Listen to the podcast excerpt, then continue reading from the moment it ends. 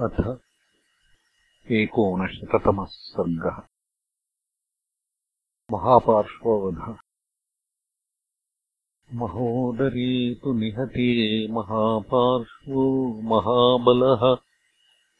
सुग्रीवेण समीक्ष्याथ क्रोधात् संरक्तलोचनः अङ्गदस्य च मूम् भीमाम् क्षोभयामास सायकैः।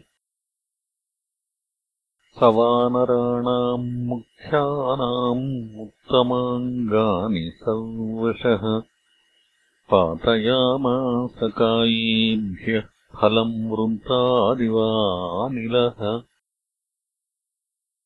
केषाञ्चिदिषुभिर्बाहून् स्कन्धांश्चिच्छेदराक्षसः वानराणाम् सुसङ्क्रुद्धः पार्श्वम् तेषाम् व्यदारयत्। तेऽर्दिता बाणवर्षेण महापार्श्वेन वानराः।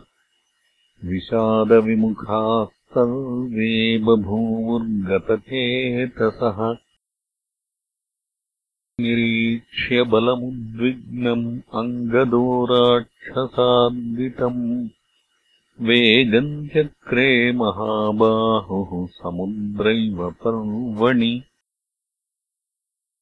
आयसम् परिघम् गृह्य सूर्यरश्मिसमप्रभम् समरे वानरश्रेष्ठो महापार्श्वे न्यपातयत्।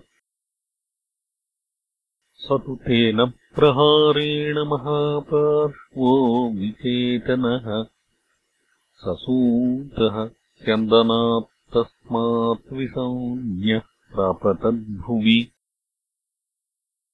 सर्क्षराजस्तु तेजस्वी नीलाञ्जनचयोपमः निष्पत्य सुमहावीर्यः स्वाद्व्यूहान्मेघसन्निभात्। प्रगृह्य गिरिशृङ्गाभाम् क्रुद्धः स विपुलाम् शिलाम् जघानतरसा स्यन्दनम् च बभञ्जतम्। मुहूर्ताल्लब्धसंज्ञस्तु महापार्श्वो महाबलः। अङ्गदम् बहुभिर्बाणैः भूयस्तम् प्रत्यविध्यत जाम्बवन्तम् त्रिभिर्बाणैः आजघानस्तनान्तरे वृक्षराजम् गवाक्षम् च जघानबहुभिः शरैः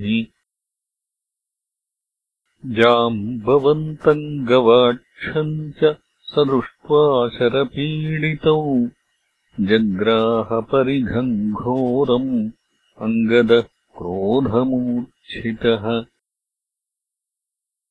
तस्याङ्गदः प्रकुपितो राक्षसस्य तमायसम् दूरस्थितस्य परिघम् रविरश्मिसमप्रभम्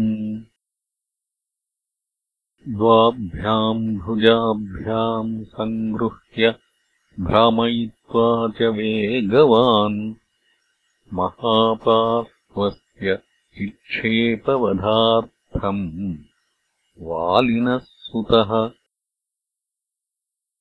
स तु क्षिप्तो बलवता परिघस्तस्य रक्षसः। धनुश्च सशरम् हस्तात् शिरस्त्रम् चाप्यपातयत् तम् समासाद्य वेगेन वालिपुत्रः प्रतापवान् तलेनाभ्यहनत् क्रुद्धः कर्णमूले सकुण्डले स तु क्रुद्धो महावेगो महापार्श्वो महाद्युतिः करेणैकेन जग्राह सुमहान्तम् परश्वधम् तम् तैलधौतम् विमलम् शैलसारमयम् दृढम् राक्षसः परम क्रुद्धो वालिपुत्रे न्यपातयत्